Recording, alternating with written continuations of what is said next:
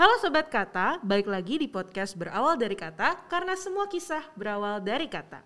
It's your host Abby. Hari ini kita mendatangkan sesosok orang uh, yang biasanya teman-teman lihat di layar teman-teman tuh jadi host tuh di uh, acara-acara kita di semua episode uh, beberapa episode kita.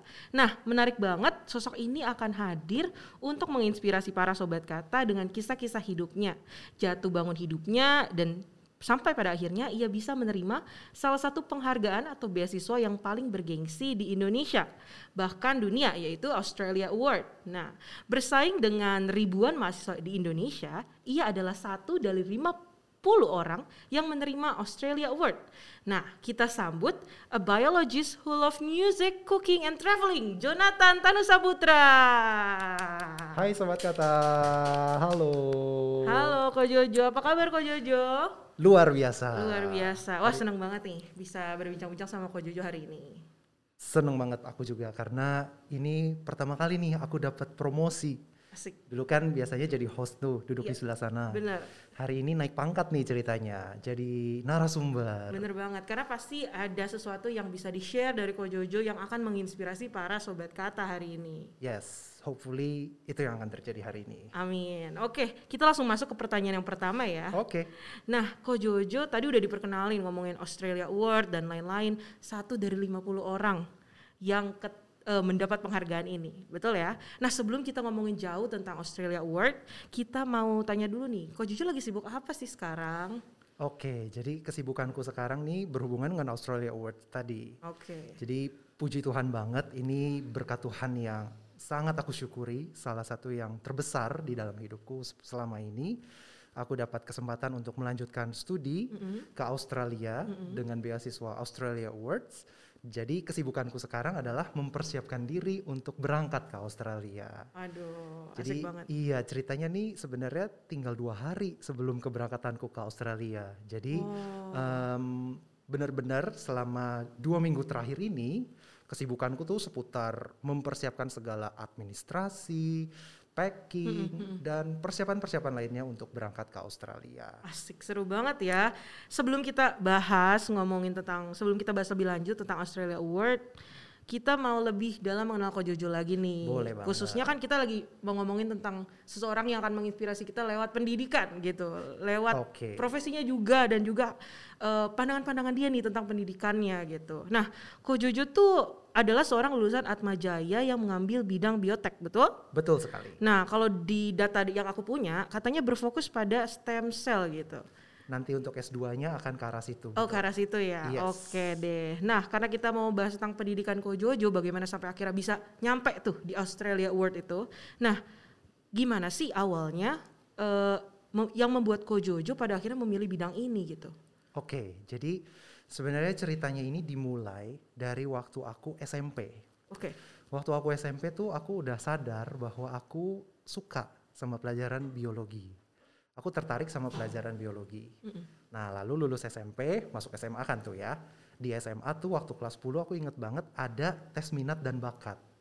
Dan hasil tes minat bakatku waktu itu, kelas 10 hasilnya adalah em, minat bakatku ada di bidang eh, kedokteran atau bioteknologi. Oke. Jadi eh, memang dari remaja aku udah punya ketertarikan di dalam dunia biologi. Lalu hasil minat tes minat bakatku juga mengatakan hal yang demikian dan lebih spesifik lagi gitu ya. Mm-mm. eh, kedokteran atau bioteknologi. Dan selama SMA itu aku semakin menyadari bahwa bener nih passionku, semangatku itu ada di pelajaran biologi. Oke. Bahkan waktu SMA tuh aku dapat kesempatan untuk ikut Olimpiade Sains Nasional OSN. Waktu SMP tuh ya? SMA. Oh, SMA. Oke. Waktu SMA itu aku ikut OSN, OSN cabang biologi. Hmm. Nah, jadi aku belajar banyak banget tentang biologi waktu SMA. Pengalaman aku ikut OSN itu memberikan aku satu pencerahan bahwa biologi itu sebuah ilmu yang sangat luas. Luas banget. Oke. Saking luasnya aku pusing Mm-mm. karena terlalu banyak yang bisa dipelajari.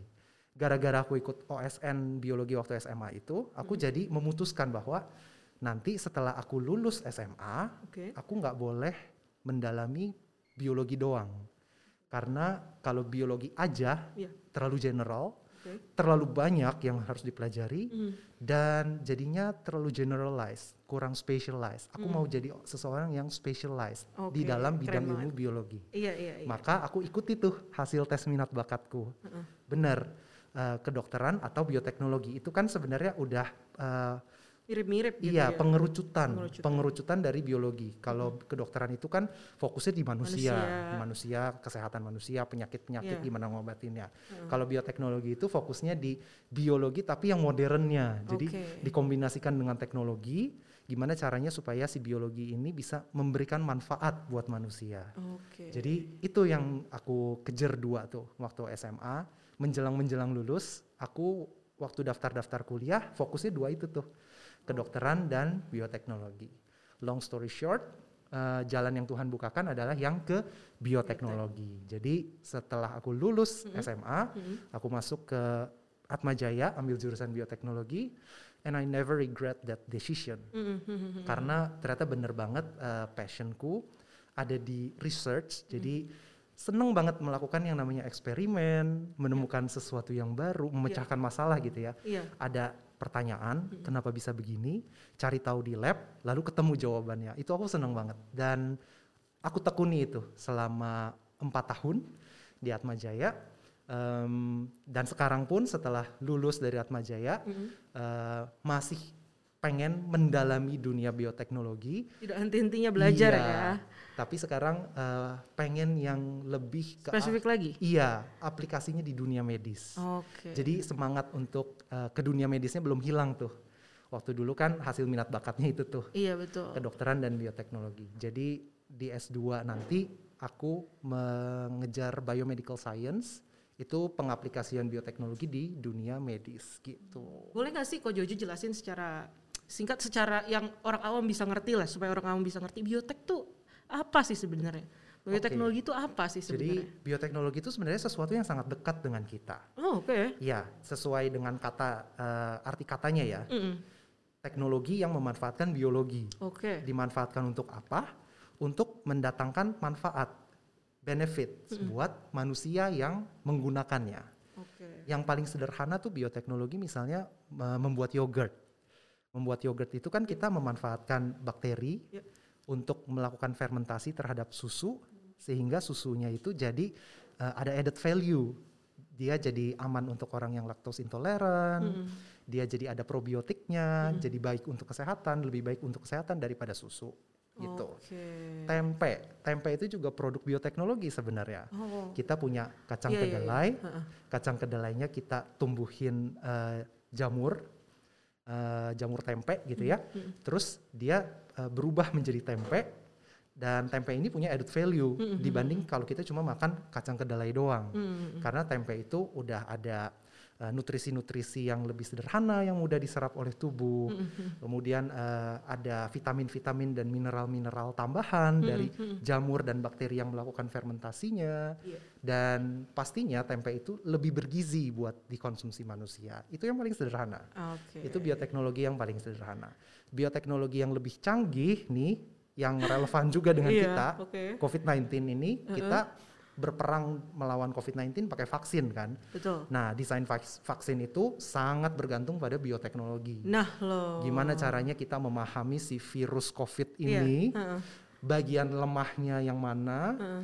yang bisa diserang yang mana, kemudian kita desain vaksin untuk bisa melumpuhkan si eh, virus COVID-19-nya itu. Gitu. Itu Wah, aplikasi bioteknologi yang udah advance banget. Menarik banget ya. Itu mungkin banyak sobat kata yang belum tahu ya tentang itu ya. Kalau ternyata bioteknologi itu deket banget sama kita. Betul. Deket banget sama kehidupan Betul kita. sekali. Nah, Ko Jojo, kita udah ngomongin tuh tentang biotek gitu. Apa penjelasannya biar orang lebih ngerti gitu. Terus udah ngomongin awalnya gimana bisa sampai akhirnya memilih jurusan ini. Nah, kita mau ngomongin tentang achievementnya Koko nih. Waktu sedang berkuliah di Atmajaya itu mengambil biotek gitu ya. Oke. Kita sebutnya biotek ya biar gampang ya kok. Boleh. Bioteknologi kayaknya panjang gitu Betul, betul. Biotek aja. biotek aja. Nah, info yang kami dapat eh, bahwa Kojojo adalah salah satu awardee dari kampus yang terpilih untuk pertukaran pelajar di negeri gingseng Korea. Bener nggak tuh? Benar. Nah, benar banget. Gimana sih akhirnya Kojojo bisa sampai terpilih tuh? Ditambah kan mm, apa namanya belajarnya banyak dong pasti prakteknya banyak gimana kok bisa sampai kepilih tuh jadi salah satu yang menerima beasiswa untuk student exchange Korea Ya, jadi waktu di Atmajaya tuh di Fakultas Teknobiologi namanya FTB, biasa kita singkatnya FTB. Nah, FTB Atmajaya ini memang dari dulu dia punya eh, kerjasama, collaboration with several uh, international institutions. Oke. Ada yang di Korea, ada yang di Singapura, ada yang di Jepang, di Thailand, dan setiap tahun Atmajaya tuh pasti FTB nih, FTB Atmajaya akan mengirim beberapa mahasiswa tingkat akhir untuk melakukan riset di institusi-institusi internasional tersebut Oke. yang kerjasama sama Atmajaya. oke Jadi eh, dari awal aku masuk Atmajaya FTB itu aku udah dengar informasi ini, aku pasang target. oh udah mengincar tuh Ah, ya Udah ngincer Asik. karena eh, di encourage juga sama orang tua bahwa em, yang namanya international experience itu sangat Iya, precious, bener banget, sangat bener berharga. banget. Mhm. Itu akan membuat kita jadi seperti apa ya? pikiran kita terbuka Betul. koneksi kita banyak Betul banget, nggak jadi katak dalam tempurung Iya, istilahnya. iya, jadi iya. aku benar-benar pasang target tuh waktu em, baru awal-awal masuk FTB, aku mau ikut eh, pertukaran pelajar tersebut. oke Nah, masih ada waktu kan yang dikirim kan mahasiswa tingkat akhir. Jadi dari tingkat tingkat awal tuh aku udah persiapin eh, rajin belajar karena pasti yang dipilih itu kan yang eh, has- yang nilainya bagus-bagus, Iya. yang secara akademik memang perform. Iya. bisa mewakili kampus dengan baik Iya, agar ya nanti di sana membawa nama baik kampus Betul, betul. gitu. Heeh. Terus yang eh, soft skillsnya juga eh, jalan berkembang. Mhm, Jadi aku persiapkan itu dari awal aku masuk hmm, FTB, Oke. rajin belajar, ikut organisasi, gitu-gitu. Jadi eh, semua persiapannya tuh di- dimulai dari awal tahun itu tuh, dari Hmm. awal tahun, ak- maksudnya dari tahun pertama aku masuk FTB. Oke. Dan ketika sampai ke tingkat tiga, udah mau tingkat akhir, Uh-huh. dan pendaftarannya dibuka untuk angkatanku, nah aku apply. Nah waktu apply itu aku pilih yang paling beneficial. Oke. Karena kan pilihannya ada banyak waktu itu ada yang ke Korea, ada yang ke Thailand, ada yang ke Singapura, ada yang ke Jepang. Nah menurutku yang paling beneficial itu yang ke Korea. Kenapa? Karena full scholarship. Oke, full, Jadi- fully funded ya. Yes, fully funded. Jadi aku nggak perlu keluar uang sepeser pun. Kalau yang ke Thailand atau yang ke Singapura itu eh, masih harus bayar akomodasi sendiri, Iya, gitu-gitu. Jadi aku pilih yang benar-benar fully funded dan eh, waktu itu sebenarnya yang apply ke Korea nggak terlalu banyak Oh gitu, oke. karena dia yang paling lama, Oh. berapa periode berapa jangka 10 waktu? bulan. 10 bulan. Kalau yang lain tuh cuma setengah tahun, eh, enam bulan Mhm, gitu ya. Ya, yang ke Korea ini hampir setahun. Jadi teman-temanku tuh waktu itu kebanyakan mereka eh, enggan Mhm. untuk mendaftar karena mau cepat lulus. Oh iya. Oh kalau gitu berarti lulusnya dipospon ya? Kalau Iya ambil betul. yang itu. Kalau ambil exchange itu postpone eh, ada penundaan kelulusan. Hmm, Nah karena aku menganggap bahwa international experience itu lebih penting daripada Iya. lulus cepat. Betul. Jadi aku merasa nothing tulus, bahkan eh, jauh lebih baik aku ketunda lulusnya tapi dapat international experience. Iya. Jadi aku pilih Korea, aku daftar, saingannya nggak terlalu banyak untungnya. Jadi puji Tuhan dapat kesempatan untuk lanjut ke Korea Asik sebagai banget. seorang exchange student. Iya gitu. iya iya, asik banget, asik banget. Eh, achievement Ko Jojo dari kuliah aja udah kelihatan ya. Tapi ini sebenarnya pertanyaan selanjutnya adalah gimana sih persiapannya bisa sampai kepilih kan? Tapi tadi Koko udah jelasin juga ya. Hmm, Nah ternyata sesuatu sesuatu yang kita targetin itu, sesuatu yang besar pun perlu ada planningnya ya. Betul, perlu betul ada banget. perencanaannya dan persiapannya ya. Bener banget. Nah, gitu tuh sobat kata. Jadi kalau sobat kata pengen mengincar sesuatu yang besar, apalagi yang nyemangatin kita banget kayak tadi tuh. Misalnya Ko Jojo pengen eh, pertukaran pelajar gitu, apalagi di bidang yang Ko Jojo bener-bener suka gitu ya. Nah itu harus ada persiapannya gitu. Kayak nggak bisa ya. Kalau bisa nggak sih kalau bisa kita kayak kita belum pernah eh, nge-apply up, eh, mendaftar scholarship gitu. Gimana sih caranya awal-awalnya tuh supaya kita menumbuhkan motivasi atau gimana sih cara kita carinya gitu? Nah kalau yang paling pertama nih, Heeh. menurutku Ya, kita harus berani bertanya. oke. Karena informasi mengenai beasiswa itu ada banyak sekali di luar sana. Oh, banyak ternyata banyak ya. banget. Opsinya tuh banyak banget. Yang di dalam negeri dari pemerintah Indonesia maupun yang dari luar negeri dari pemerintah negara yang kita tuju, Ya. Dari universitas yang kita tuju, universitas sendiri itu juga ada. Jadi banyak banget kesempatan untuk mendapat beasiswa. Iya. Dengan informasi sebanyak itu pasti kelimpungan kalau baru pertama kali kayak overwhelmed gitu loh. Iya benar benar benar. Aduh mau pilih yang Information's mana? e- everywhere gitu ya. Mm, Jadi mm, mm. sangat dianjurkan untuk bertanya. Bertanya kepada siapa? Kepada yang sudah berpengalaman. Iya. Kalau masih kuliah itu pasti punya senior, Betul. punya dosen-dosen. Nah, kita bisa tuh menceritakan uh, cita-cita kita, mimpi kita. Mm, Saya mau nih em, mendapatkan beasiswa, mm, tapi bingung harus mulai dari mana.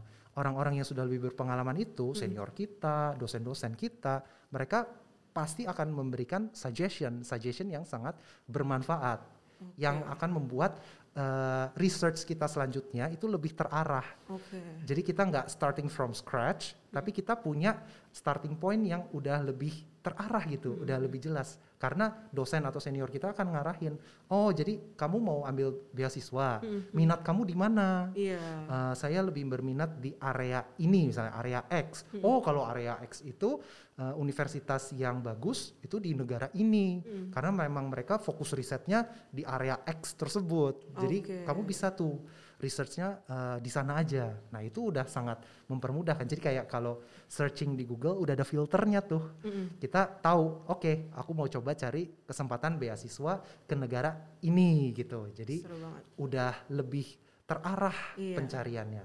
Itu uh, yang paling pertama menurutku Mhm. harus ada uh, berani bertanya. Berani bertanya.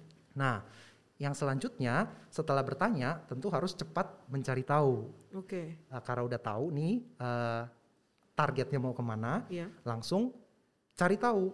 Langs- kalau udah dapat uh, rekomendasi gitu ya, Iya. uh, misalnya ke Korea aja Iya. atau ke Jepang aja, Mm-mm. langsung cari tahu Nah, kalau ke negara itu kesempatan beasiswanya ada apa aja. Nah, bikin list eh, kesempatan-kesempatan beasiswa ke negara-negara tersebut ada apa aja.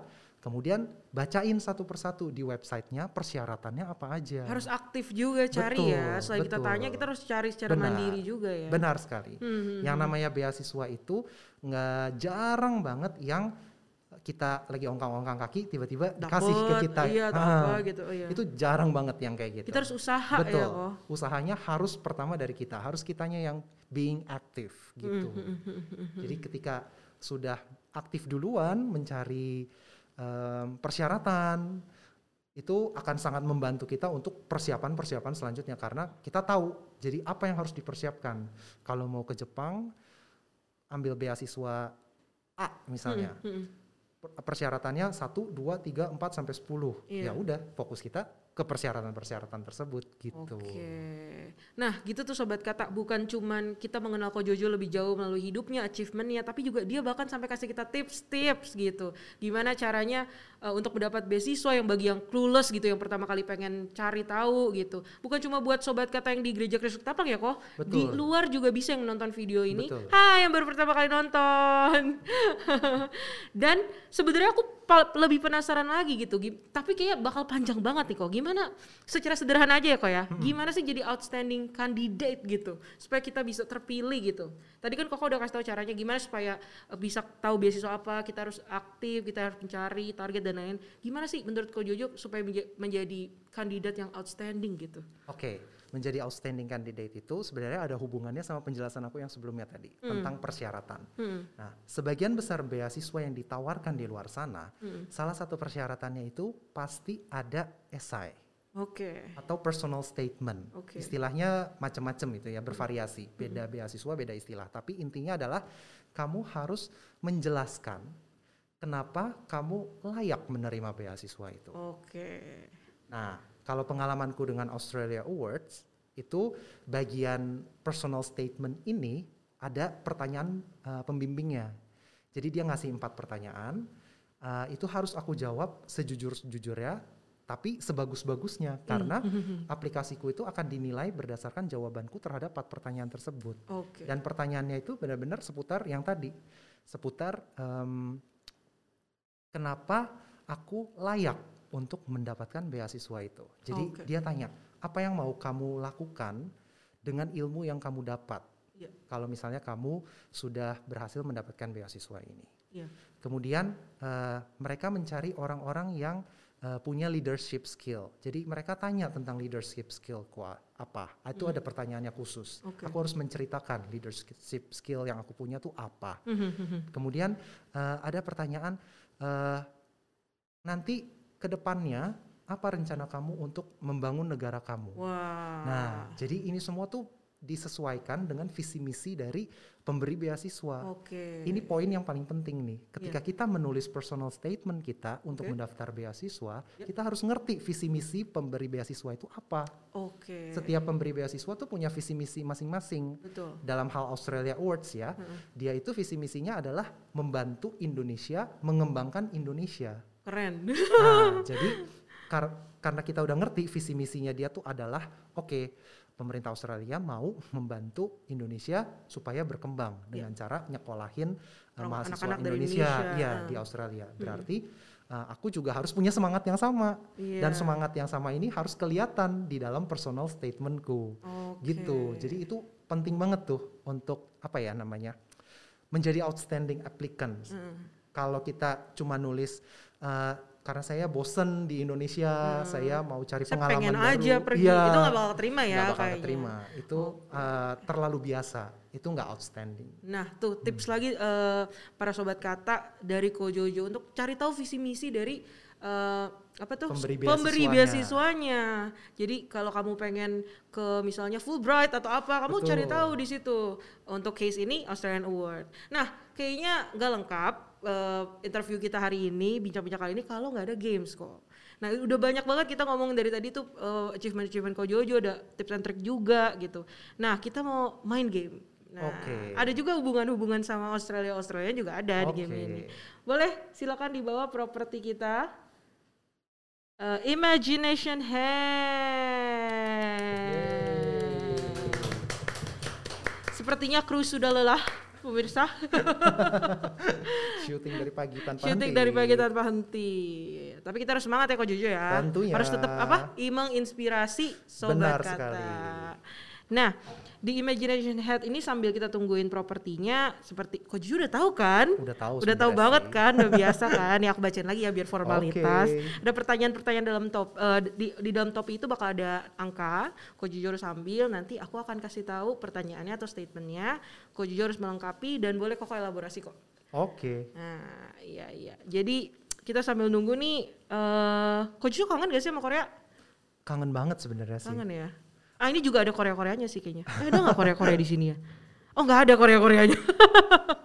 Iya iya. aku iya, harus iya. mengakui da- sampai hari ini ya, sampai hari ini aku hidup, 10 bulan aku di Korea itu adalah masa-masa terbaik dalam hidupku. Wow, tapi kita belum tahu ya nanti Iya, di di Australia, kan dua tahun kan, kita belum tahu. Siapa aku tahu itu tahu. lebih terbaik Iya, lagi. siapa tahu berubah, ya. Iya. Ya, silahkan. Terima kasih kru. Nah, oke. Sudah siap Kak Jojo? Siap Kita banget. mulai nih sobat kata game Imagination Head. Silakan Kak Jojo ambil. Oke. Ini harus jujur ya kok jawabnya. Oke. Jujur dan seru gitu. Nomor tiga. Nomor tiga. Nomor tiga. Oke. Kalau aku menjadi sebuah sel COVID-19, aku akan Aku akan bermutasi terus. Iya. Bermutasi terus. Karena itulah cara si virus untuk survive. Tuh, ya ampun jawabannya tuh bener-bener jawaban ini banget, banget ya. biologi banget ya. Aduh, sampai stres deh saya kayak gini. Oke, oke, oke. Emang ha- tapi kan kita kalau jadi manusia kita nggak jangan mengharap gitu dong. Oh, Iya. tapi kan ini kalau koko menjadi Ah, karena tadi kan COVID-19. pertanyaannya imajinatif gitu ya. Kalau Iya. seandainya aku jadi virus COVID, Heeh. kalau aku jadi virus COVID, berarti em, yang menjadi targetku adalah gimana caranya supaya aku bisa memperbanyak diri terus. Oke. Karena itulah yang dikerjakan oleh virus. Oke. Eh, virus itu tidak punya tujuan lain selain memperbanyak diri. Oke, berarti Gitu. harus apa kok? Pakai protokol kesehatan tuh ya kita ya. Iya, jadi kita harus protokol kesehatan supaya virusnya berhenti memperbanyak diri. Keren. Oke, jawabannya Dan sangat saintis banget ya. Betul. Oke. Emang Koju ini saintis kan tadi dia bilang dia biologist ya. Oke. Silakan selanjutnya. Oke. Nomor satu. Nomor satu. Nah ini menarik banget nih. Mungkin para perempuan di luar sana pengen mendengar jawaban ini nih. Jika, aku harus menikah besok, tipe wanita yang akan aku nikahi adalah yang Ini jawabannya karena di gereja. Aduh, yang jujur dong, yang jujur Yang jujur. sejujur-jujurnya. Iya. Oke, oke. Yang mengasihi Tuhan dan keluarga. Oke. Itu karena itu didikan dari orang tua sih. Mm, mm. Jadi eh, mama khususnya, mama tuh selalu mengajarkan aku kalau mencari pasangan hidup itu eh, harga mati yang nggak bisa ditawar adalah dia harus mengasihi Tuhan dan keluarganya. Mm, mm. Jadi eh, itu adalah pasangan hidup yang sepadan, itu adalah pasangan hidup yang tepat ketika dia eh, mengasihi Tuhan dan mengasihi keluarganya. Kenapa harus mengasihi Tuhan? Karena kan harus yang seiman. Mm. Kenapa harus mengasihi keluarga? Ini yang suka kelewatan nih kata mama. Mengasihi keluarga karena nanti eh, ketika dia menjadi istri kamu kan dia membina keluarga. Mm, mm. Kalau sama keluarganya sendiri aja dia nggak mengasihi, nggak ada kasih, gimana dia nanti mau mengasihi keluarga yang dia bina? Gitu. Jadi Ya. eh, itu sesuatu yang penting banget. Maka itu jadi patokan aku ketika mencari pasangan hidup. Keren. Oke, ya gimana? Wanita-wanita di luar sana, silakan mempersiapkan dirimu. Oke, selanjutnya ya, silakan Ko Jojo. Iya, nomor empat. Oke. Jika hanya boleh memilih satu makanan untuk dimakan seumur hidup Ko Jojo, Ko Jojo akan memilih makanan Buah-buahan. Waduh, kenapa tuh? Sangat sehat ya? Iya, Kenapa karena eh, seumur hidup kan nih, Iya, seumur hidup. seumur hidup supaya Cuma satu makanan. eh, harus spesifik atau Boleh, boleh lebih seru kayak spesifik deh. kalau eh, spesifik aku akan pilih eh, buah pisang. Kenapa tuh? Kenapa? Karena eh, satu menurutku buah itu sehat banget dan bisa berguna untuk memperpanjang usia kita lah, Oke. eh, gampangnya. Karena eh, makanan alami, sehat dan kalau dihubungkan dengan eh, Alkitab lagi, eh, waktu manusia pertama diciptakan Adam dan Hawa di Taman Eden kan makannya buah-buahan. Mm, Jadi eh, menurutku buah-buahan itu superfood. Oke. Nah, jadi kalau cuma boleh pilih satu makanan untuk aku makan for the rest of my life, Mm-mm. I will choose banana Oke. karena itu buah dan kedua aku suka pisang. Oh, oke oke oke. Eh, oke, di antara semua buah yang ada di dunia ini sampai saat ini yang pernah aku makan, yang aku paling suka salah satunya sebenarnya banyak sih, tapi salah satunya pisang. Oke. Gitu. Tuh buat mempertanya- memperpanjang umur pisang ya. Iya. Oke, sip. Next Ko Jojo silakan. Kita masih ada. 8. Oke. Nah, ini juga menarik nih. Jika di Australia aku tiba-tiba diserang kanguru, aku akan Telepon polisi. Oke. Kayaknya itu yang Udah hafal belum nomor polisinya, nomor emergensinya? Udah, triple zero. Oke, oke. Wah ini udah serius banget nih ya mau ke Iya. Australia ya. Oke, oke, oke, oke, oke. Iya sih itu paling realistis Iya. ya telepon polisi ya. Eh, karena di sana itu juga udah dibilangin eh, polisinya sangat helpful gitu loh. Mhm, Jadi mhm. jangan eh, don't ever hesitate to call kalau misalnya memang butuh bantuan. Ya. Dan selalu selama persiapan ke Australia Australia ini semua orang Australia yang udah hubungin kami tuh selalu eh, temanya tuh sama. Jangan malu bertanya. Oke. Jangan malu bertanya. Pokoknya gak ada yang namanya pertanyaan bodoh. Iya. Tanyain aja. Kalau memang butuh bantuan, tanya. Jadi Oke. eh, menurutku itu opsi terbaik. Oke, asik, asik, asik, asik, asik. Yuk, kita lanjut yuk kok. Kita masih ada lagi nih. Jangan malu bertanya teman-teman. Dua. Oke.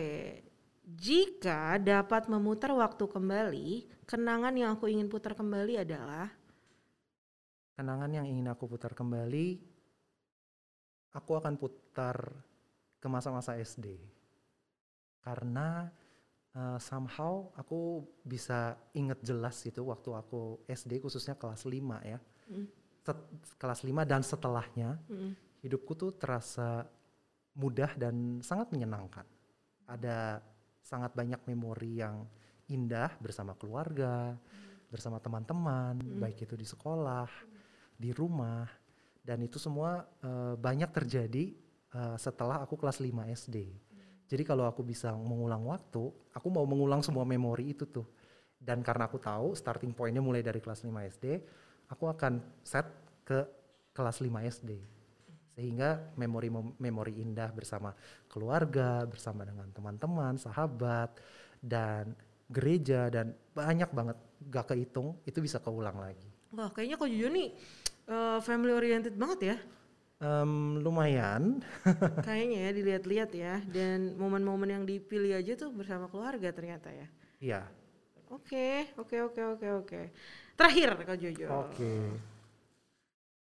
Nah ini pertanyaannya luar biasa ini. Ini terlepas nomor berapapun pertanyaannya udah disiapin ya. Udah. Ih jangan buka kartu dong kok Jojo. Ih.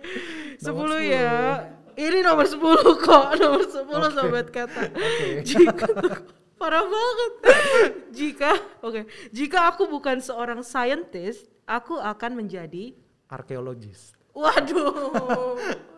Kenapa itu tuh? Cita-cita masa kecilku. Tapi Jadi, kok, sebentar aku potong ya kok ya. Hmm. Tapi kok captionnya uh, a biologist who loves music, cooking and traveling kok gak mau jadi chef atau musician atau traveler? Kok lebih milih nah, arkeologis? Karena uh, cooking, traveling and uh, cooking and traveling itu adalah hobi. Mm-hmm. Sedangkan uh, kalau scientist itu profession. Mm-hmm. Jadi kalau aku nggak jadi seorang scientist, maka profesi yang akan menggantikan posisi itu adalah uh, cita-cita keduaku waktu masih kecil itu adalah arkeologis. Okay. Tapi traveling and cookingnya akan tetap jalan karena mm -hmm. itu hobi. Okay. Dan sebagai arkeologis juga pasti akan travelingnya pasti jalan banget. Betul, betul, betul, betul. Karena arkeologis itu kan jelajah, iya, mencari-cari batu dan kawan-kawannya. Betul. Fosil-fosil. oh iya gitu. benar. Dan cooking ya bisa jalan kapan pun gitu. Hmm. Dan sebenarnya ya itu salah satu uh, mimpi masa kecilku gitu loh. Kalau hmm waktu SMA tuh khususnya waktu persimpangan IPA IPS tuh hmm. kalau misalnya aku nggak dapet IPA hmm. aku udah tahu gitu nanti uh, masuk IPS kayaknya aku tertarik jadi arkeologis gitu waduh kayaknya emang seneng belajar ya dan explore banget ya kok Jojo ya iya kurang lebih gitu sih iya iya dan bidang bidang-bidang atau major-major yang dipilih nggak biasa gitu Orang-orangnya kayak belum tahu. Coba misalnya orang ditanya sobat kata jelasin sel itu apa? Kayak mungkin bingung. Oke, okay, thank you Kak Jojo kita kasih tepuk tangan. Hey, thank you juga. Untuk games yang seru banget ini, uh, kita bisa tahu pandangan-pandangan Kak Jojo yang lebih dalam lagi. Kita mau masuk ke sesi selanjutnya, kita mau tanya-tanya lebih dalam lagi sama Kak Jojo. Sekarang saatnya kita mau ngomongin Australia Award. Okay. Seru banget. Nah, bagaimana sampai akhirnya Kak Jojo bisa terpilih menjadi satu dari 50 orang yang menjadi Australia Award awardee. Ya, gimana tuh? Ya, jadi ini ceritanya panjang sebenarnya. Mm -mm. Gak usah panjang-panjang banget kok, yang penting-penting aja nggak apa-apa. Oke. Okay. Okay. Jadi uh, semenjak aku lulus S1, uh. aku tuh udah pengen banget lanjut S2. Okay. Karena aku merasa waktu S1 itu uh, masih terlalu general bioteknologi yang aku pelajari. Balik lagi pengen spesifik ya? Iya, pengen spesifik. Tadi aku pikir dengan ambil bioteknologi itu udah specialized, mm -hmm. tapi ternyata bioteknologi itu sendiri luas. luas. Jadi kalau mau semakin mengerucut, itu harus S2, harus lanjut S2. Jadi setelah lulus S1 tuh aku sebenarnya pengen lanjut S2. Hmm. Tapi ternyata uh, Tuhan berkehendak lain. Oke. Okay. setelah diskusi sama keluarga juga uh, diarahkan sebaiknya kerja dulu okay. dengan pertimbangan-pertimbangan yang masuk akal dan aku setuju. Oke, okay, kerja dulu. Dan waktu dulu aku kerjanya tuh nggak mau yang menyimpang dari bioteknologi. Iya, kok jujur kerja di salah satu perusahaan besar juga kan? Betul. Yang tentang obat-obatan gitu ya? Yes, aku hmm. kerja di sebuah biopharmaceutical company. Hmm. Jadi dia itu memproduksi obat, hmm. tapi obatnya yang basisnya biologi. Hmm. Dan aku kerja di research and development departmentnya. Sangat berhubungan lagi ya Betul. nih. Betul. aku nggak mau menyimpang jadi sales alat-alat kesehatan okay. atau sales alat-alat lab. Nah itu aku nggak mau, walaupun masih ada hubungannya sama lab, yeah. tapi aku mau jadi scientistnya gitu. Okay. Nah waktu itu opsi yang tersedia tuh cuma yang di biopharmaceutical company itu setelah 8 bulan menunggu. Oh, nah dapat dapatnya tuh yang di biopharmaceutical company tersebut. Hmm. dan dia ada ikatan dinas. Hmm. ikatan dinasnya tuh empat tahun. Yeah. jadi sebelum empat tahun tuh nggak boleh bukan nggak boleh sebenarnya boleh resign tapi harus bayar penalti kalau resign sebelum empat tahun. Jadi oke okay, aku sebagai uh, responsible employee aku selesaikan. I will finish I will complete the the contract gitu. Yeah. Jadi uh, cuman kan empat tahun lama ya. Mm-hmm. Jadi aku pikir um, mungkin setelah empat tahun aku udah nggak mau kali lanjut S2 karena udah kenal Oh, duit Emang segala gak ada macam. panggilannya Iya, gitu-gitu. atau siapa tahu ketemu pasangan hidup, menikah, membina keluarga kan empat tahun kan many Waktu things can ya, happen gitu bukan kan di dalam empat gitu. tahun. Hmm. Jadi oke kita lihatlah, we'll see after four years what would happen gitu. Jadi aku mikirnya gitu, Uh, apakah masih ada semangat untuk lanjut S2 atau enggak? Ya. Long story short, uh, setelah menjelang selesai ikatan dinas, aku uh, masih semangat ternyata, masih pengen untuk lanjut S2 dan belum ada hal-hal lain yang me- mengurangi semangatku itu, mengurangi motivasiku itu. Oke. Jadi aku lakukan yang tadi tuh, yang aku bilang research, Iya. Uh, cari uh, kesempatan beasiswa. Nah, karena waktu itu ikatan dinasku selesainya bulan Oktober, Oke. aku cari beasiswa yang bisa memberangkatkan aku nggak jauh-jauh dari bulan Oktober itu. Oke. Nah, yang keluar pertama adalah Australia Awards karena Australia Awards itu bisa memberangkatkan mahasiswa di bulan Februari. Oktober ke Februari kan nggak terlalu jauh tuh. Februari setiap tahunnya lagi. Jadi ya udah aku daftar uh, untuk ambil beasiswa Australia Awards tersebut dan puji Tuhan uh, dilancarkan sama Tuhan. Mhm. Puji Tuhan dilancarkan sama Tuhan.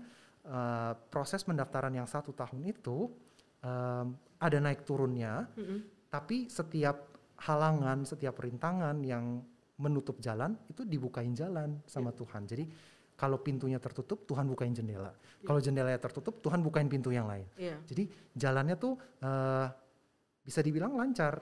Lancar dalam arti halangan-halangan yang muncul ada solusinya Ada solusinya. ada solusinya sampai akhirnya dianugerahkan oleh Tuhan aku dapat uh, Australia Awards tersebut. Dan waktu itu em, aku dapat yang intake tahun 2021 Mhm. jadi eh, harusnya sebenarnya diberangkatkannya tuh eh, pertengahan tahun 2021 tapi karena masalah COVID-19 eh, ada penutupan perbatasan dan lain sebagainya eh, keberangkatanku ke Australia jadi ditunda. Iya. ditunda sampai satu tahun. Wah, cukup lama tuh ya. betul Masa penantian tuh ya. betul Gimana tuh kok saat menanti itu apa sih yang kok pikirkan tentang kok saya kayak susah banget berangkatnya atau kayak gimana? Padahal saya udah balik lagi yang tadi kok udah berjuang kan. Itu ada ada perjuangannya sampai akhirnya emang Tuhan denger, Tuhan kabulin, kok dapat gitu. betul Heeh. betul jadi eh, waktu aku menanti itu sebenarnya ada kekecewaan Oke. ada kekecewaan dan rasa marah juga sama Tuhan Iya. karena eh, kenapa ya Tuhan udah tinggal satu langkah lagi nih tinggal berangkat Nggak Ke- berangkat. yang kemarin-kemarin pas eh, pendaftaran itu tuh obstacle-nya banyak banget sebenarnya Hmm. walaupun tadi aku bilang lancar ya tapi eh, maksudnya aku lancar itu eh, obstacle-obstacle-nya Ada solusinya. ada solusinya gitu tapi obstacle itu banyak sebenarnya Hmm. dan itu semua eh, dikasih solusi sama Tuhan sepertinya ya memang ini jalannya Tuhan gitu Ya. kalau memang ini jalannya Tuhan aku ke Australia kenapa ditutup begitu udah tinggal satu langkah lagi berangkat Tinggal berangkat aja. Ah, nah itu aku sempat kecewa Hmm. sempat marah tapi aku eh, mencoba meyakinkan diriku ke- inget-inget lagi gitu pengalaman selama daftar Hmm. pengalaman selama daftar itu benar-benar ada Tuhan di dalamnya. Uh, ada Tuhan benar-benar terlihat bekerja gitu. Ada Tuhan benar-benar terlihat bekerja, membukakan jalan. Kayak aku ceritain satu ya uh, contoh. Uh, waktu mendaftar uh, beasiswa itu pasti ada tes bahasa Inggris Hmm. harus tes bahasa Inggris karena ke negara yang English speaking country jadi eh, mereka minta ada bukti bahwa eh, aku punya English proficiency yang cukup Iya. untuk lanjut studi ke sana. Mhm. Nah waktu itu tes yang diminta eh, IELTS atau TOEFL. Mhm. Nah aku udah daftar tes tuh waktu itu. Waktu itu aku daftar tesnya eh, karena untuk keberangkatan tahun 2021. Jadi aku berangkat, eh, aku daftar tahun 2020 Mhm. awal tahun 2020 aku daftar. Nah, aku eh, mau ngetes bahasa Inggris Iya. IELTS waktu itu. Aku udah bayar, udah eh, set jadwal, tapi kita tahu ya awal tahun 2020 itu kan COVID, Covid. baru pertama kali menyerang Bener, kan, bener. baru pertama kali menyerang. Iya. Aku benar-benar gak expect bahwa ternyata jadwal yang udah aku set itu Hmm. adalah eh, di beberapa hari kemudian gitu ya, beberapa hari kemudian Iya. menjadi hari di mana Jakarta tuh lockdown. Oke. Jadi semua testing schedule itu di cancel, Mhm. di cancel. Uh, sampai batas waktu yang tidak bisa ditentukan. Wah. Dan itu semua terjadi di semua testing center, baik itu IELTS maupun TOEFL. Dan belum belum transisi ke online gitu ya, Iya, belum jelas gitu, betul. belum tahu sistemnya dan Betul. lain-lain. Jadi aku nggak punya kesempatan untuk Hmm. tes IELTS, untuk Iya. tes bahasa Inggris. Iya. Padahal itu persyaratan mutlak. Benar, benar. Nah, jadi aku berdoa tuh waktu itu eh, kalau memang ini pertanda dari Tuhan ini bukan jalan, Aha. karena kan persyaratan mutlak. Kalau Iya. nggak punya hasil tes ya gimana bisa daftar gitu kan? Ya udah, aku terima dengan ikhlas. Tapi kalau misalnya memang eh, Tuhan menghendaki aku untuk lanjut mendaftar beasiswa ini, aku percaya Tuhan akan bukain jalan. Dan Iya. ternyata benar, yang kedua itu yang terjadi. Tuhan bukain jalan. Eh, ada lah pokoknya jalan itu eh, transisi ke online tadi, Iya. transisi ke online. Eh, pendaftaran masa pendaftaran diperpanjang, Mhm. eh, masa pendaftaran beasiswanya diperpanjang, lalu mereka siapkan transisi tes online. Oke. Jadi eh, itu jalan, menurutku itu udah pertanda tuh. Iya. Oke, berarti Tuhan bukain ah, jalan. Tuhan bukain jalan. Mhm. Itu baru satu. Masih ada banyak yang lain yang serupa ceritanya seperti itu. Kalau aku ceritain semua nanti kepanjangan. Mhm. Tapi intinya kayak gitu tuh sama. Mhm. Ketutup jalannya tapi em, berdoa sama Tuhan kalau misalnya Tuhan izinkan tolong bukakan jalan, beneran dibukain jalannya. Iya, iya. Nah, mengingat-ingat akan itu semua, Mhm. eh, pengalaman-pengalaman itu aku Iya. jadi eh, kembali diingatkan gitu. Bener kok ini jalannya Tuhan. Kan udah didoain. Iya. Bahkan eh, berkali-kali ada halangan dibukain jalan terus sama Tuhan. Mhm. Bener ini pasti jalannya Tuhan. Mhm. Jadi pasti kamu berangkat. Pasti kamu berangkat. Udah, kok udah yakin tuh? Iya, walaupun eh, masih denial gitu ya, Iya, masih. "Ak- aku maunya berangkatnya sekarang Tuhan, nggak mau nunggu lama-lama gitu. Oke, oke, oke. Tapi eh, dalam hati itu tetap eh, ada suara yang meyakinkan itu. Iya. Tunggu aja, pasti berangkat. Tunggu aja pasti berangkat. Ini masa penantian eh, ada sesuatu yang baik gitu. Ada sesuatu yang Tuhan persiapkan, ada sesuatu yang Tuhan rencanakan. Kenapa kamu disuruh nunggu lama ini dan itu pasti baik gitu. Iya. Jadi udah sabar aja gitu. Iya. Cuman ya namanya eh, manusia gitu ya, masih ada sisi daging, sisi lemahnya. Betul. Jujur aku eh, tetap aja sih ada eh, Itu manusiawi banget sih iya kalau ada bertanya-tanya. Aduh Tuhan tapi maunya sekarang, Hmm. maunya berangkat cepat. Orang udah dapet kok, tinggal berangkat aja. Nggak mau nunggu lama-lama gitu. Jadi eh, ya bergumul lah di situ. Hmm, hmm, hmm. Saat kokot selalu libatkan Tuhan, Tuhan pasti buka jalan ya buat kita Benar, ya. Dan benar. mengandalkan Dia itu paling penting banget Benar, ya dalam itu- segala hal ya. Betul. Hal dari hal krusial sampai hal kecil pun ya. Benar, benar banget. Iya, dengar eh ingat-ingat tuh sobat kata. Nah, Ko Jojo pengen tanya juga sih, sebenarnya apa sih yang mau Koko kejar lewat kesempatan ini? Jadi sebenarnya yang aku mau kejar itu idealnya ya, Hmm. eh, long term visionnya Hmm. Itu adalah mengembangkan bioteknologi di Indonesia. Waduh mulia sekali, luar biasa. Iya. Walaupun susah, susah banget pasti. Kalau eh, orang dengar pasti respon pertamanya itu mulia, tapi terus mereka akan lanjut pertanyaannya. Tapi kan susah Jo gitu. aku Eh, enggak, aku enggak. Aku enggak. mulia aja oke. Oke, terima terus kasih. terus. Em, tapi eh, bener sih, kenapa aku mau melakukan itu? Karena aku melihat ya Indonesia ketinggalan Hmm, eh, dalam hal pengembangan bioteknologi. Iya. Kayak sekarang eh, riset vaksin COVID-19 aja yang paling gampang, yang paling dekat sama kita. Hmm. Vaksin merah putih, vaksin Nusantara itu kan cuma ribut-ribut di media aja, tapi eh, eksekusinya tuh kita eh, belum lihat gitu. Padahal pandemi udah jalan dua tahun lebih gitu ya. Hmm. Se- eh, perusahaan-perusahaan yang lain tuh mungkin udah mulai eh, fokusnya bi- bikin vaksin yang bisa ngelawan varian Omikron. Iya. Sedangkan varian eh, vaksin merah putih yang dulu itu ya masih didesainnya untuk varian-varian yang lama berdasarkan varian-varian yang lama. Jadi kayak ketinggalan gitu loh. Iya, iya. Kita masih one step uh, behind other countries Hmm. karena ya memang harus diakui uh, resource-nya kurang, Iya. sumber daya manusianya kurang, kemudian instrumen-instrumennya, fasilitas-fasilitasnya kurang. Nah, jadi aku tuh sebenarnya pengen menjadi seseorang yang berkontribusi di Negara dalam itu ya. iya Hmm, dalam dan mengembangkan bioteknologi di Indonesia karena bioteknologi itu maju terus. Hmm, hmm. Eh, kalau kita lihat negara-negara lain, negara-negara tetangga kita yang dekat aja, Singapura, Thailand, itu tuh bioteknologi mereka tuh lebih ngebut gitu, Hmm. lebih ngebut, lebih maju. Dan kalau Indonesia nggak mulai bergerak, Hmm. ya ketinggalan. Hmm. Untuk seterusnya akan ketinggalan. Apalagi ada si COVID ini nih ya. Betul. Jadi aku juga nangkep eh, apa ternyata deket ya profesinya menjanjikan banget ya Hmm, menjadi benar. biotek ini ya. Benar. Nah itu juga eh, sobat kata harus tahu tuh bagaimana Hmm. profesi bioteknologi itu dulu mungkin orang tua atau kita bahkan yang anak muda aja nggak ngerti tapi ternyata itu sangat menjanjikan ya sekarang betul, ya Pak Juju ya. betul sekali. Karena dunia kita ini bergerak terus ke arah situ, Heeh, era bioteknologi. heeh. Jadi eh, apalagi dengan COVID-19 yang sekarang merajalela, Hmm. itu bioteknologi itu sangat-sangat diperlukan, Iya, sangat-sangat dicari. iya. Jadi eh, benar banget, sangat menjanjikan, sangat penting da- dan negara kita perlu orang-orang yang eh, concern Mm-mm, to develop the the biotechnology mm, mm, in this country gitu. Iya. Jadi aku pengen gitu jadi salah satu orang yang demikian, yang terjun Heeh. mengembangkan bioteknologi di Indonesia. Keren banget, keren banget, keren banget. Dua hari lagi Ko Jojo akan berangkat Betul. bersama rombongan Australia Award yang lain, award yang lain.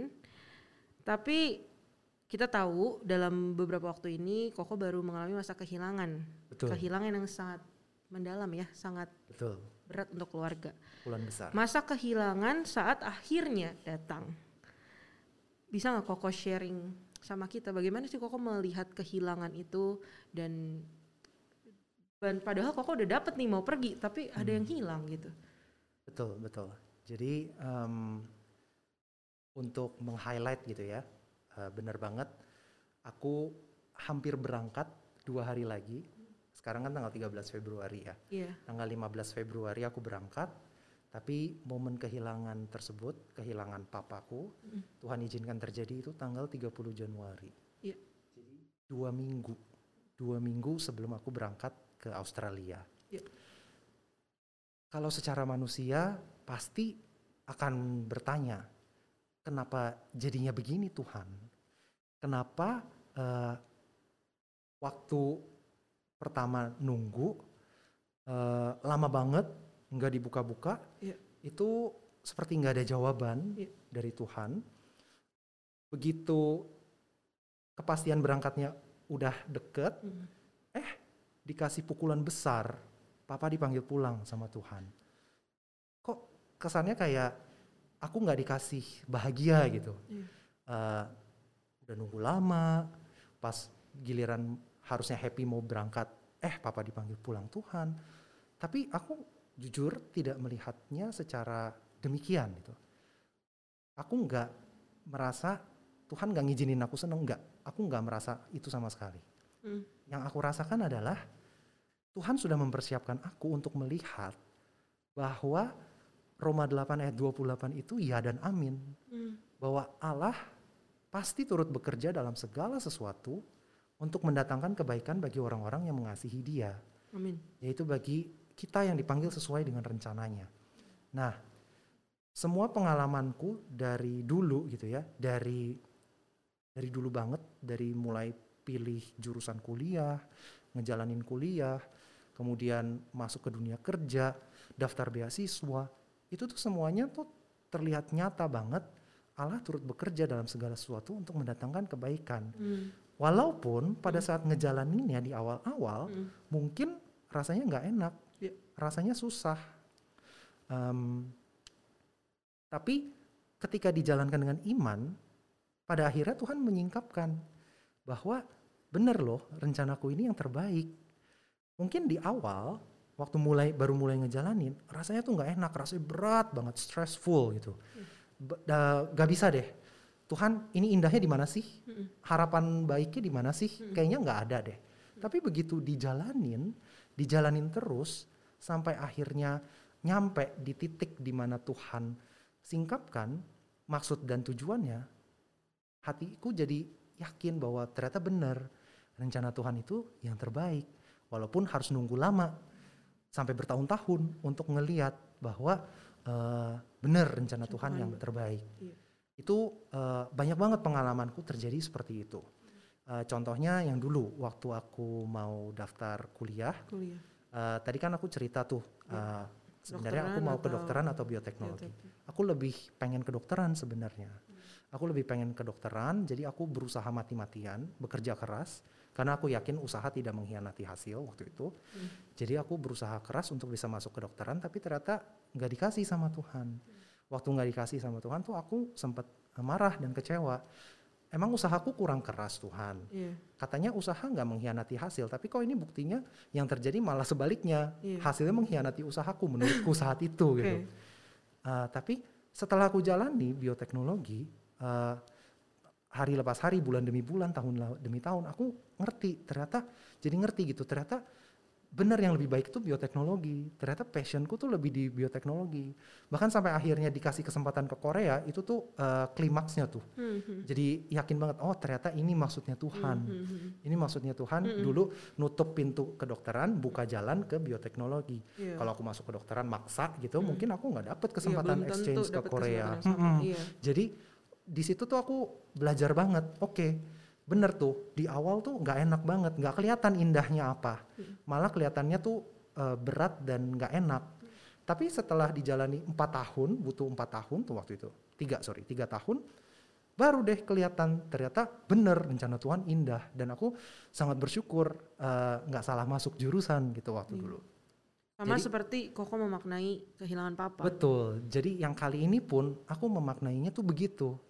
Eh, ketika aku disuruh nunggu satu tahun nggak bisa berangkat ke Australia, Hmm. ternyata maksudnya Tuhan itu supaya aku di rumah terus, supaya ada banyak waktu sama keluarga, sama papa khususnya. Walaupun mungkin nggak banyak interaksi ya, tapi eh, adalah eh, kayak karena aku di rumah terus kan, eh, sema- selama nunggu itu aku keburu resign dari kerjaan. Eh, baru dikasih tahu bahwa belum bisa berangkat pertengahan tahun 2021 jadi aku terpaksa mendekam di rumah karena Iya. lagi COVID-19 juga tuh. Betul. tahun lalu kan COVID-19-nya parah banget tuh gelombang delta lagi. Iya, iya. jadi aku di rumah doang bener-bener totally di rumah setiap hari di rumah. Jadi punya banyak waktu sama keluarga jadi ternyata masa penantian yang tadinya aku eh, kesel marah-marah kenapa sih Tuhan dikasih nunggu begini Lama lama, banget. Hah, udah mana nunggunya masih di rumah lagi? Gitu. Coba eh, waktu itu nggak keburu resign Tuhan. Kan aku masih kerja nih enak masih ada penghasilan. Tapi sekarang kayak gini nggak jelas cuma di rumah doang. Eh, stres dan lain-lain gitu. Tapi eh, ternyata setelah satu tahun Mhm. Lalu Tuhan panggil papa pulang aku jadi baru ngerti gitu aku baru paham ternyata Ini loh maksudku. Iya, ini loh maksudnya. Masa-masa yang stressful itu sebenarnya indah kan, Jo? Sebenarnya itu baik kan, karena kamu jadi punya banyak waktu sama papa, uh, waktu banyak waktu sama keluarga. Uh, karena memang aku mau panggil pulang papa di awal tahun 2022 gitu. Jadi aku kasih kamu kesempatan nggak berangkat ke Australia dulu, tapi untuk eh, menghabiskan waktu sama keluarga dulu di rumah. Coba kamu bayangkan kalau kamu sudah ke Australia, Iya. papa kamu meninggal, kamu nggak akan pernah bisa ketemu lagi. iya. Kamu pulang ke Indonesia, kamu harus karantina 14 hari karena Omikron sedang menyerang sekarang kan, sedang Iya. meningkat. Ada aturan karantina itu, kamu udah nggak bisa ketemu papa lagi sama sekali. Iya. Uh, jadi gimana? Lebih baik yang mana? Jadi aku uh, ada dialog-dialog semacam itu gitu. jadi uh, dan dari situ aku jadi diingatkan sekali lagi, benar ternyata Allah turut bekerja dalam segala sesuatu untuk mendatangkan kebaikan. Walaupun mas ngejalaninnya tuh nggak enak, tapi aku harus beriman gitu bahwa ini akan mendatangkan kebaikan. Someday I will see the goodness gitu. Aku akan lihat uh, kebaikan dan kesetiaan Tuhan di ujungnya nanti. Walaupun nggak tahu kapan. Kalau dalam kasus yang penantian ini kan sampai satu tahun ya. Iya. Kalau yang uh, kuliah tadi uh, tiga tahun. Ya yang lainnya mungkin juga akan bertahun-tahun lagi gitu. Jadi uh, ayolah beriman gitu. Tetap beriman walaupun Iya. sulit harus beriman bahwa uh, rencana Tuhan pasti yang terbaik untuk, Untuk kita. mendatangkan kebaikan bagi Betul, kita. memberikan hari depan yang penuh harapan. Luar biasa Ko Jojo. Nah, kita udah panjang banget nih sobat kata, tapi masih banyak pertanyaan lagi Iya. sebenarnya. Coba dong Ko Jojo secara secara singkat aja, secara singkat ya. Ko Jojo Oke. laboratif banget kan orangnya. Oke. Apa sih planning atau rencana setelah lulus S2 di Aussie nanti? Jadi planningku setelah lulus dari S2 di Aussie karena nanti di sana belajarnya tuh uh, stem cell technology and Iya. regenerative medicine. Iya. Jadi nanti ketika balik ke Indonesia, aku mau uh, mengembangkan bioteknologi di, di Indonesia in terms of tadi tuh stem cell technology and Ya. regenerative medicine. Ya. Di Jakarta tuh ada uh, satu research center, Ya. uh, Stem Cell and Cancer uh, Institute. Mhm. Uh, itu punyanya uh, anak perusahaannya Kalbe Pharma sebenarnya. Jadi uh, karena dulu aku pernah kerja di anak perusahaannya Kalbe Pharma yang lain, aku ada bayangan tuh Hmm. nanti di research institute tersebut akan kerja apa sih. Nah, aku mau bergabung ke situ Asik. karena eh, memang dia fokusnya stem cell research. Aku pengen ngembangin stem cell technology and regenerative medicine. Di sana tuh pasti banyak fellow researchers, Betul, fellow betul, betul. scientists, eh, bisa networking, bisa kerjasama sama Iya. orang-orang hebat lainnya Iya. dan yang mungkin punya visi yang sama untuk Benar, mengembangkan stem, stem cell technology di Indonesia.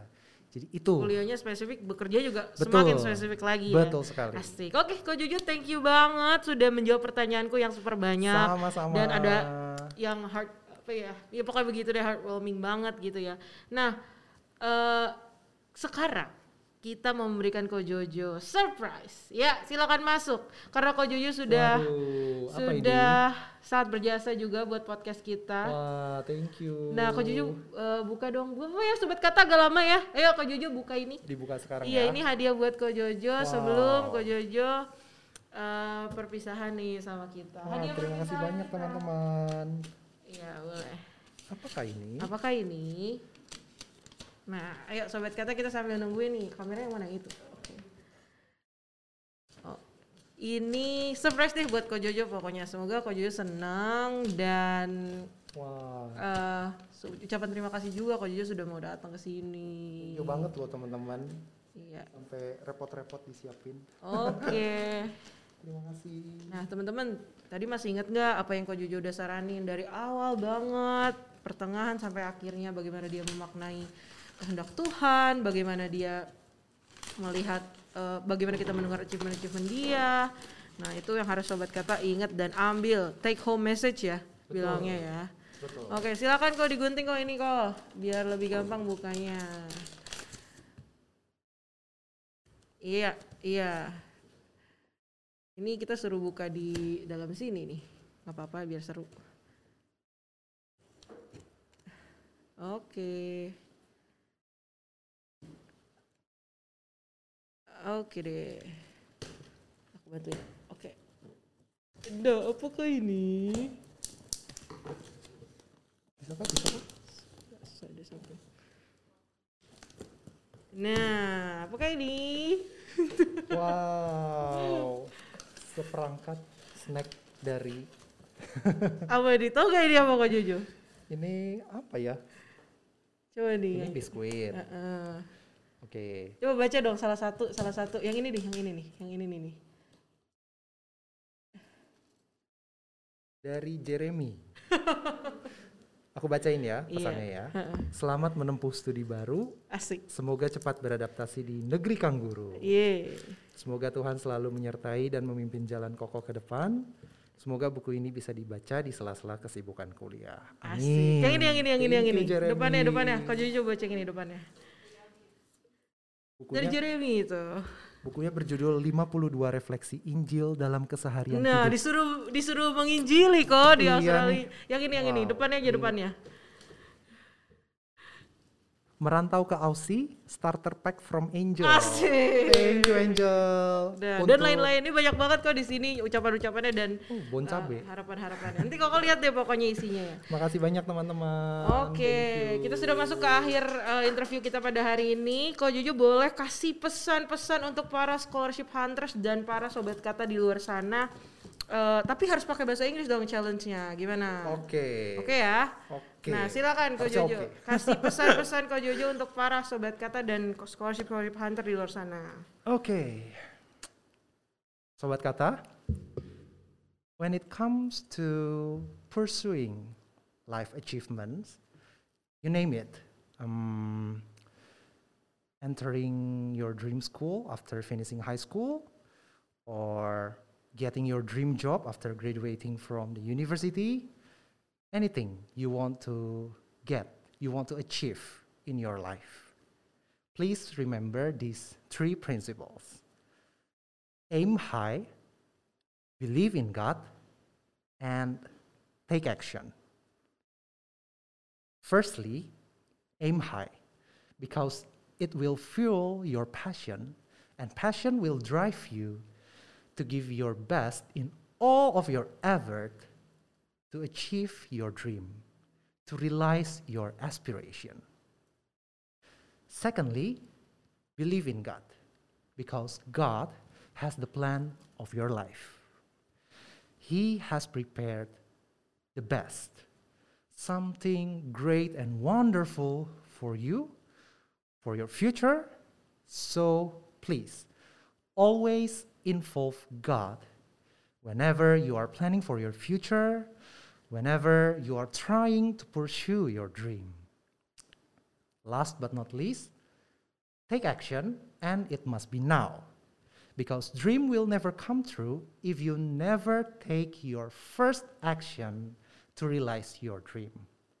So, remember these three aim high, believe in God, and take action. Thank you. Thank you Ko Jojo.